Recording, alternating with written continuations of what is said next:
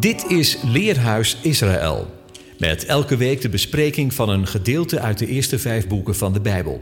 De presentator van deze week is Arnold Visser.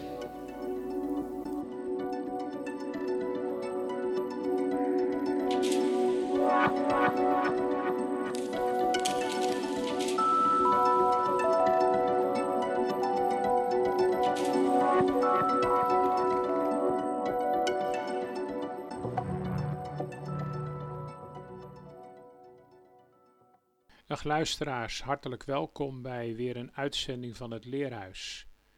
Inmiddels zijn we alweer bij de derde lezing in onze jaarlijkse Torah-cyclus. De parasha Leg Lega staat op het programma. Hebreeuws voor ga of vertrek. Letterlijker nog, ga voor jezelf. De parasha vertelt ons de verhalen van de roeping van Abraham.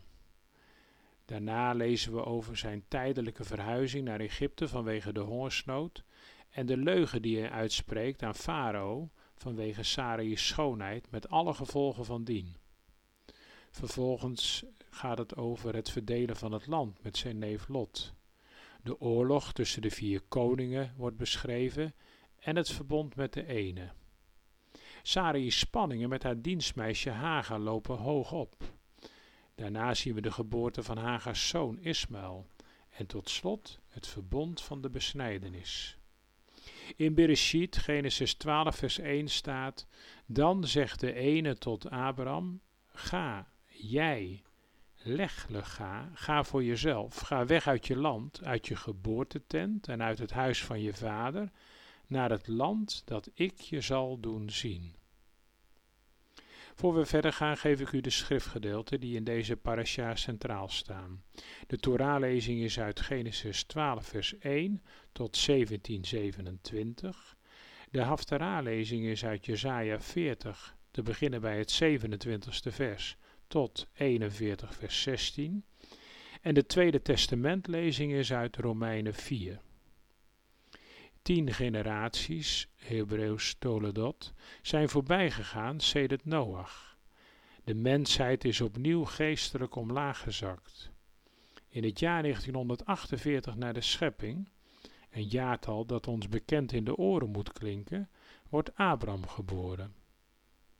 Het moet ongeveer zo gegaan zijn dat toen Abraham de wereld waarin hij leefde aanschouwde, hij tot de vaststelling kwam dat er meer moet zijn tussen hemel en aarde dan de afgoden waar hij tussen opgroeide.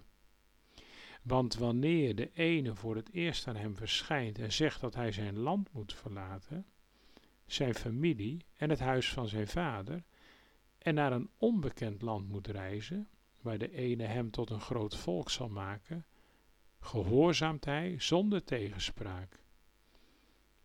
Er wordt gezegd een reis van duizend kilometer begint met een eerste stap. Dat was zonder twijfel zo voor Abraham, in wiens leven we geïntroduceerd worden. Zoals bij vele personen uit de schrift ontvangen we geen boekdelen achtergrond over hem. Het lijkt wel alsof het leven voor hem pas begint bij een ontmoeting met de stem en de persoon van de Almachtige. Wanneer wij terugkijken naar ons leven, kunnen we ons dat misschien op een bepaalde manier wel voorstellen. Het leven was eigenlijk een gesloten boek, totdat we Hem ontmoeten. Aan Abraham werden enkele zeer duidelijke woorden meegegeven over wat hem in zijn leven te doen stond. Hij moest zijn verleden achter zich laten en aan een reis beginnen. Er werd hem niet gezegd waarheen die reis zou leiden, noch verteld of hij beproevingen onderweg onder ogen zou moeten zien. Er werd hem niet verteld of hij zou slagen of falen. Nee, er werd hem gewoon gezegd: ga, of om bij de titel van de parasha te blijven, leg lega. Het begin van vers 4 geeft veel inzicht in de persoon Abraham als er staat: Toen ging Abraham. Wanneer Abraham deze eerste stap zet, is hij 75 jaar oud. Hij en Sarai hadden een leven en families waarvan ze afscheid moesten nemen, niet wetend of ze hen ooit nog zouden terugzien. In die tijd was vertrekken je werkelijk van alles uit het verleden afsnijden en het grote onbekende instappen. Nu was zijn vader Terach al eerder uit zijn vertrouwde omgeving vertrokken, uit Ur de Galdeeën, met de bedoeling naar het land Canaan te gaan. We lezen dat in Genesis 11, het 31ste vers. Maar hij kwam tot Haran en bleef daar. Er staat vervolgens toen ging Abraham. Woorden die een toelichting vragen, omdat dit ook voor ons vandaag een boodschap kan bevatten. Er staat niet geschreven, dus overwoog hij de mogelijkheden of dat hij er eens met iemand over sprak. Nee, niets van dat alles. Het klinkt gelijk aan 2 Korinthe 6 vers 17. Hoor zijn stem, sta op en ga voort. Wanneer we vers 16 erbij betrekken, zien we een situatie ontstaan, gelijk aan de situatie waarin Abraham verkeerde. Paulus schrijft daar: Wat is de gelijkheid van zijn tempel met afgodsbeelden? Wij zelf immers zijn een tempel van de ene die leeft, zoals hij gezegd heeft: Ik zal bij hen wonen en wandelen. Ook zal ik hun Heer zijn en zij zullen mijn gemeente zijn. En dan, vers 17, trek daarom weg uit hun midden en grens u af, zegt de Heer. Precies de boodschap die Abraham ontving. Het zijn woorden die ook vandaag ons bijzonder moeten aanspreken. In de Torah lezen we niets over Abraham, zijn persoonlijke verdiensten, als de woorden klinken die de intrede vormen van het Joodse volk in de geschiedenis. Leg, lega, ga weg uit je land, van je geboortegrond en uit het huis van je vader, naar het land dat ik je zal wijzen. Van Noach wordt gezegd, als hij wordt gespaard van de ondergang, dat hij een rechtschapen man was, onberispelijk onder zijn tijdsgenoten. En ook de kwaliteiten van Mozes komen in de Torah naar voren, alvorens hij wordt geroepen tot zijn nieuwe taak als leider van het volk na de bevrijding. Maar Abraham wordt zonder verklaring geïntroduceerd. Leg, lega, ga weg uit je land. Eigenlijk echoot die roep, leg, lega, sindsdien door alle eeuwen tot hen die een belangrijke beslissing moeten nemen tot hen die voor een onbekend terrein in hun leven staan en dat nieuwe gebied moeten binnentrekken. Het gold en het geld zeker voor het Joodse volk dat zo vaak steeds opnieuw letterlijk weer verder moest trekken. Maar het geldt ook daarbuiten voor ieder die voor de grens van een volstrekt nieuw levensgebied is komen te staan en moet beslissen. Dan is het goed om scherp te luisteren en te horen of er een stem zegt: leg, le, ga, ga. Misschien is daarom tevoren niets over Abraham meegedeeld in de Torah.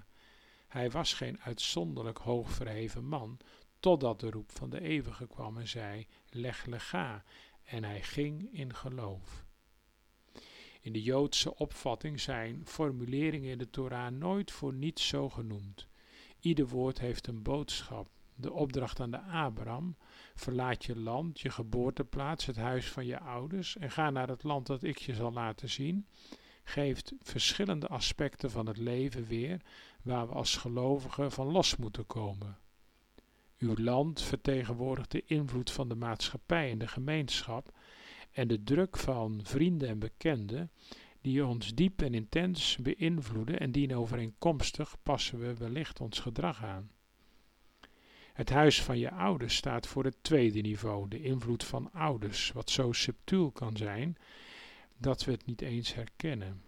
Vaak beseffen we niet hoe diep de houding en de opvatting van onze ouders onze eigen houding en gedrag doordringen, ten goede en ten kwade.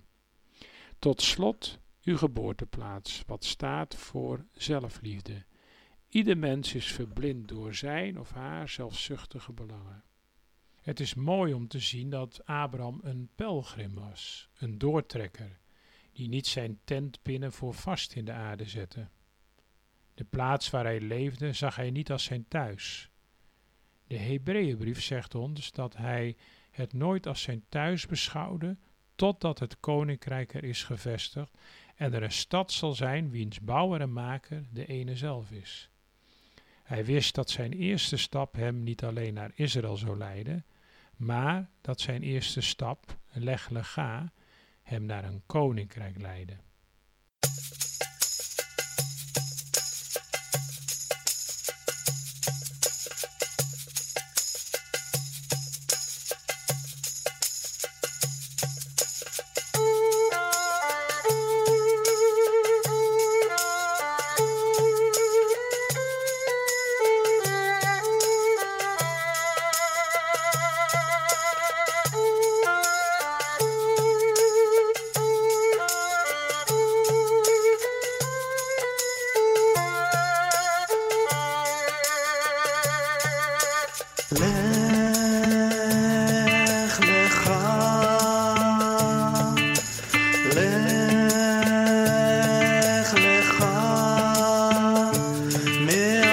לך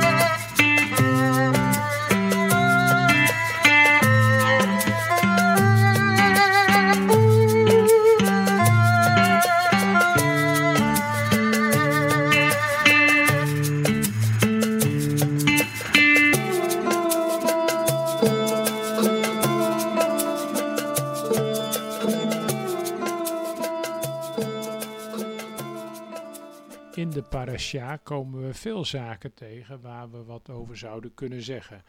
Dus we moeten selecteren. We gaan proberen of we van een aantal zaken de bedekking of het omhullende gedeelte weg kunnen nemen. Dat staat gelijk aan de naam Lot, wat betekent bedekking of omhuld. Van Lot komt uiteindelijk ook Rut, van Lots zoon Moab. En Rut wordt opgenomen in het Messiaanse geslacht, zoals we weten. Uit de bedekking of de omhulling komt uiteindelijk dus de Messias tevoorschijn. Een ander punt wat ook mooi is om terug te zien, zien we in Genesis 12, vers 8. Abraham komt terecht op een plaats tussen Bethel en Ai. Namen en getallen staan niet zomaar in de schrift. De naam Bethel betekent huis van God en heeft een getalswaarde van 443. De plaats Ai heeft een getalswaarde van 85. Wanneer we nu kijken naar de getalswaarde tussen Bethel en Ai, 443 min 85, dan komen we uit op 358. Dat is de plaats waar Abraham was. En dit getal, 358, is precies de getalswaarde van het woord Messias. Dus Abraham wordt op deze wereld op een plek neergezet wat synoniem is aan de plaats Messias. Tevens zien we ook dat Lot niet op de plek van de Messias wil blijven, maar naar het materiële Sodom wil gaan en naar de wereld trekt. Dus naar de plek die in de ogen van Lot zo aantrekkelijk lijkt. En dat heeft ook weer alles te maken met de naam Lot, dus bedekking of omhulling. Abraham vestigt zich tussen de twee plaatsen. Aan weerszijden is dat 179. 2 maal 179 is het getal van de Messias 358. Een getal dat gelijk staat, 179, aan het woord Gan Be Eden, de boom des levens. Heel bijzonder dat Abraham daardoor omgeven is. In de parasha heeft Abraham ook een ontmoeting met Melchizedek. Melchizedek ook was de koning van Salem en de priester van de Allerhoogste staat er in de Hebreeënbrief 7 vers 1. Zijn naam betekent koning van de gerechtigheid. Daar de plaatsnaam Salem vrede betekent, is hij tevens koning van de vrede. Hij is een oud-testamentische voorafbeelding van de priesterkoning en rechtvaardige vredevorst Yeshua, van wiens regering de heilige plaats Jeruzalem het middelpunt zal zijn. In de Bijbel worden Melchizedek, nog zijn voorgeslag, nog zijn eventueel nageslacht, nog zijn geboortejaar, nog zijn sterfjaar vermeld. Hij ging Abraham, die terugkwam van het verslaan van koningen, tegemoet en zegende hem. Daarop schonk Abraham hem een tiende deel van de buit. Het priesterschap van Melchizedek was van een andere orde dan van de Levitische priesters in Israël. Melchizedek was geen Hebreeër, laat staan een nakomeling van Levi, en hij was niet voor een bepaalde tijd, maar priester voor altijd. Tot slot van dit tweede gedeelte staan we stil bij wie we werkelijk zijn en wie we zijn in de ogen van de Heer. Rebbe Kotsker zei ooit eens: Als ik ben ik, omdat jij bent jij, en jij bent jij omdat ik ben ik, dan ben ik niet ik en jij bent niet jij. Maar als ik ben ik omdat ik ik ben, en jij bent jij omdat jij bent jij, dan ben ik ik en dan ben jij jij. Psalm 139 geeft ons wat dat betreft ook een inkijkje. En de psalmist laat zien dat jij en ik volledig gekend zijn door de ik ben die ik ben. Heere, u doorgrondt en kent mij. U kent mijn zitten en mijn opstaan. U begrijpt van verre mijn gedachten. Onderzoekt mijn gaan en mijn liggen. U bent met al mijn wegen vertrouwd. En aan het einde van de psalm Doorgrond mij, o Heer, en ken mijn hart, beproef mij en ken mijn gedachten. Zie of er bij mij een schadelijke weg is, en leid mij op de eeuwige weg. Deze psalm is ook op een moderne wijze gecomponeerd met de woorden: Ken je mij, wie ken je dan? Weet jij mij beter dan ik? Ken je mij, wie ben ik dan? Weet jij mij beter dan ik? Het is net alsof de schrijver de ander uitdaagt met de woorden: Jij denkt mij te kennen? Nou, ik denk het niet. De enige die ons echt door en door kent is de ene. Hij kent niet alleen ons refrein, maar ons hele lied. Ieder couplet, iedere regel, ieder woord. Hij heeft het zelf geschreven en vraagt ons te proberen het op zijn mooiste te zingen, het uit te dragen in deze wereld. Er staat, ik zou een woord willen spreken, ik zou een lied willen zingen, dat waar en van mij is, dat draagt wie ik ben, dat het houdt. Ik zou een woord willen spreken, ik zou een lied willen zingen, dat rechtop staat als mens die mij aankijkt en zegt, ik ben jouw zuiverste zelf. Vrees niet, versta mij, ik ben, ik ben.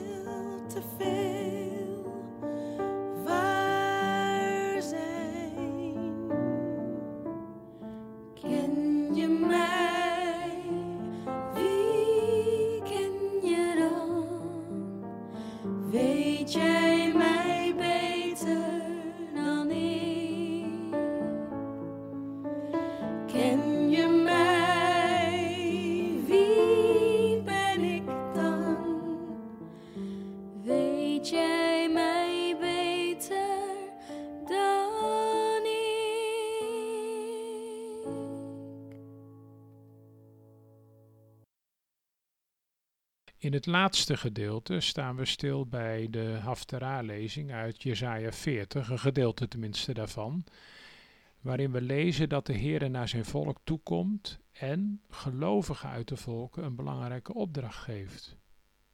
Met welk doel? Om te troosten en te bemoedigen. Het begint met de woorden Nachamu, Nachamu, Ami. Troost, troost mijn volk, zegt u God. Troost, daar gaat het om. De verbondenheid met zijn volk wordt dubbel onder woorden gebracht door het volk Israël, dat vanwege zonde in ballingschap verblijft, toch mijn volk te noemen, en zichzelf vervolgens uw God. Hier kunnen we de woorden van de apostel Paulus uit de Romeinenbrief in mee laten klinken. Er staat, heeft de ene dan zijn volk verstoten, dat zij verre of geen zins. Zij zijn naar de verkondigingen vijanden door u, maar naar de uitverkiezing beminde door de vaderen. In het slot van Jesaja 40 mag de profeet het medicijn aanreiken tegen vermoeidheid. Dat moet de ballingen in Babel ontzettend hebben aangesproken. Een regelrechte belofte van herstel. Hier gloort de belofte van terugkeer naar het eigen land en ook nog met bovennatuurlijke energie. Gewoon is het dat zelfs jonge strijders moe worden en dat zelfs sterke helden een keer struikelen. Maar wie het van hem verwacht, die krijgt nieuwe kracht. Hij loopt, maar wordt niet moe. Hij rent, maar raakt niet uitgeput. Het van hem verwachten in lijden, in vragen, geeft vleugels. Het biedt perspectief, nieuw perspectief. Dan ga je het van bovenaf bekijken, gelijk een adelaar. Een koninklijke vogel, zo kun je de arend of adelaar wel noemen. Er zijn notabene wel 66 soorten. Denk bijvoorbeeld aan de visarend of de zeearend, de slangenarend, de steenarend of de kuivarend. De arend is een vogel met een zeer krachtige snavel, sterke poten en klauwen en een zeer scherp gezichtsvermogen. Daar kan hij notabene een konijn vanaf 2 kilometer in de hoogte mee zien. Het meest majestueus is de spanwijdte van zijn vleugels, die bij de steenarend, waaraan we wel moeten denken, bij de tekst uit Exodus 19 vers 4, ik heb u op arendsvleugels gedragen, Daarbij varieert dit van 1,90 meter tot 2,25 meter. Bij het vrouwtje is het doorgaans groter dan bij het mannetje en moet er uiteindelijk één de baas zijn. Arenden krijgen hun volwassen klerenkleed pas na enkele jaren. Nestelen doen ze op een rotsriggel of in een boom, waarbij het nest een doorsnee van 2 meter heeft. Daarin worden twee eieren gelegd, één gewoon ei en een reserve-ei, dat als het uitkomt meestal een hapje vormt voor broer of zus. Het jong blijft 70 dagen in het nest. En dan, ja, dan komt het moment waarvan de Heer vanaf de berg tot Mozes zegt: Op aardelaarsvleugels heb ik jullie gedragen. Het jong heeft nog niet de moed om het nest te verlaten. Dan helpen de ouders een handje. Het jong krijgt eerst minder te eten, dat zijn honger wordt gewekt en overtollig gewicht wordt geloosd voor de eerste vlucht. Het jong kijkt nog angstig over de rand, terwijl vader Arend hoog in de lucht de zaak in de gaten houdt en moeder Arend het jong een zetje geeft. Zoals een arend zijn broedsel opwekt, zeggen ook parallele tekstversen in Deuteronomium 32, 11 en 12. De woorden van Mozes zoals een arend over zijn jongen waakt en voortdurend erboven blijft zweven, zijn vleugels uitspreidt en zijn jongen daarop draagt. Zo heeft de Heer zijn volk geleid. De kerngedachte achter dit verhaal is: het moment komt waarop je afscheid moet nemen van een veilige situatie. En dan weten we misschien net zo min als de aspirant vlieger in het adelaarsnest hoe het dan zal gaan en hoe verder terwijl hij vleugels aan zijn lijf heeft, zijn sterkste wapen in de strijd om te overleven. Het jong hoeft zijn vleugels eigenlijk niet eens uit te slaan, maar alleen op de thermiek te zweven, net als zijn ouders, die klaarstaan om in te grijpen als het niet lukt. Zoals een adelaar zijn jongen draagt, zoals een adelaar zijn jong opvangt, mocht het vallen, zo zal ik u dragen, zo heb ik u gedragen, de nacht van Egypte door, de Schelfzee door, en op de weg door de woestijn, die alle dingen draagt door zijn woord van kracht, zegt de schrijver van de Hebreeënbrief. Het beeld van de adelaar uit Jesaja 40 is iets anders. Het verwijst ook naar de arend, nu naar zijn nieuwe vleugels en nieuwe kracht. Als een arend ongeveer 40 jaar oud is, trekt hij zich terug en slaat hij zijn oude, te krom gegroeide snavel stuk op een rots, zodat een nieuwe snavel kan aangroeien. Daarmee trekt hij zich de veren van het lijf, zodat ook die opnieuw aangroeien. Daarvan zegt Jesaja 40, wie hoopt op de Heer krijgt nieuwe kracht. Hij slaat zijn vleugels uit als een arend. Zijn we in een situatie beland dat we denken krachteloos te zijn als alles dof geworden en versleten is? Als je voelt dat er iets moet gebeuren tegen de sleur en de schaduwkanten van je eigen karakter? door ziekte, pijn, verdriet. Als het oude nest niet langer daar is, hoe overleef je dan de omstandigheden in jezelf? De Heer zegt: Verwacht mijn komst en je zult nieuwe kracht putten. Hoop op de Heer en op zijn sterkte. Hij is het die uw heil bewerkte. Psalm 82. Laten wij dan zeggen met Psalm 146: Onze hulp is de naam van de Heer, die de hemel en de aarde gemaakt heeft. Die ons draagt op machtige vleugels en onze kracht vernieuwt als bij een arend. Nieuwe kracht. Dat is wat wij zoeken en nodig hebben. Want het leven is verschenen, schrijft Johannes de evangelist. En wij hebben het gezien. En wij getuigen ervan en verkondigen het u. Het eeuwige leven, Yeshua onze Heer. In zijn naam en in zijn kracht mogen wij moedig verder gaan en ons gedragen weten bij alle opgaven van het leven. Door zijn liefde en gedragen Have you not op known, have you not heard? The everlasting God, the Lord, the creator of the ends of the earth, neither faints nor is weary. There is no searching of his understanding. He gives power to the weak, and to those who have no might, he increases strength. Even the youths shall faint and be weary, and the young men shall utterly fall. But those who wait on the Lord shall renew their strength. They shall mount up with wings as eagles. They shall run and not be weary. They shall walk and not faint. Teach us, Lord,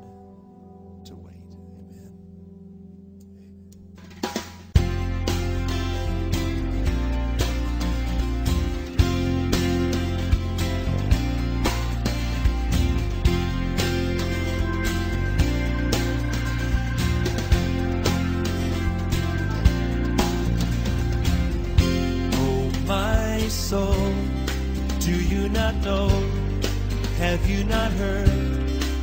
It's been told from the beginning. The Lord your God is on your side. Oh, my soul, don't be afraid. Hope in the Lord by his righteousness and power. He will strengthen, He will guide, and I will soar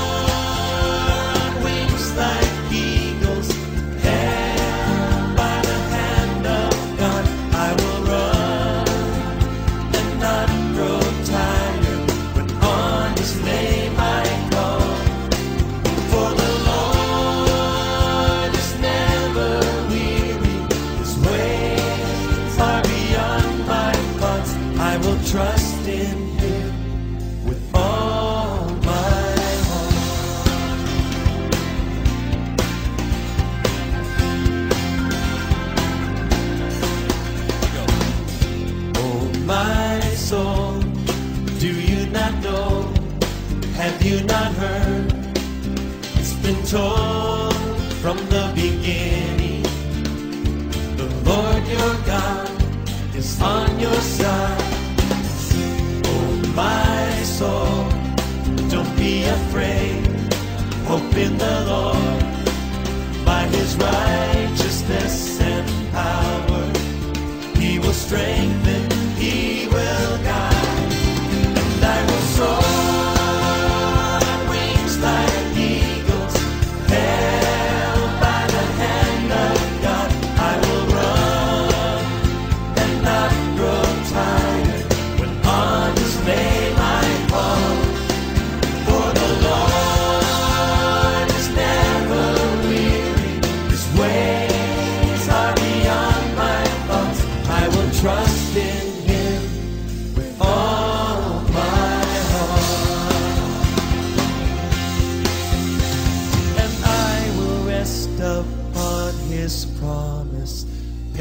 Patiently I'll wait.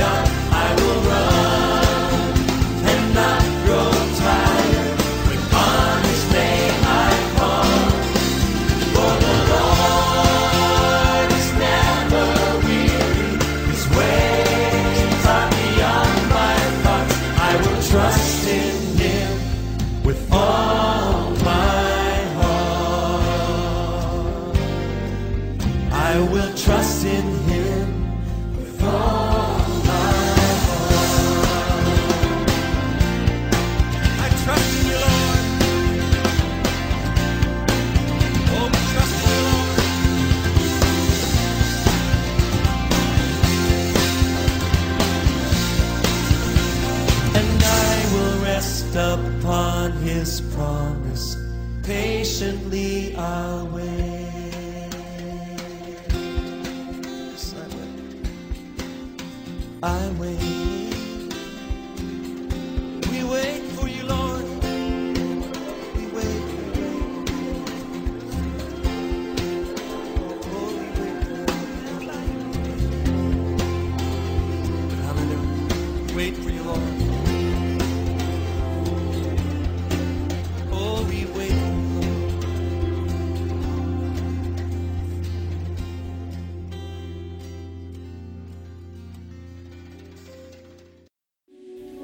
U luisterde naar het programma Leerhuis Radio Israël. Een wekelijkse studie aan de hand van de Bijbelgedeelten die wekelijks door de Joodse gemeenschap worden gelezen. Heeft u een vraag of opmerking? Stuur dan een e-mail naar info-apenstaatje radioisrael.nl. Het leesrooster vindt u op onze website. Ga naar radioisrael.nl en klik onder het kopje radio op programma's.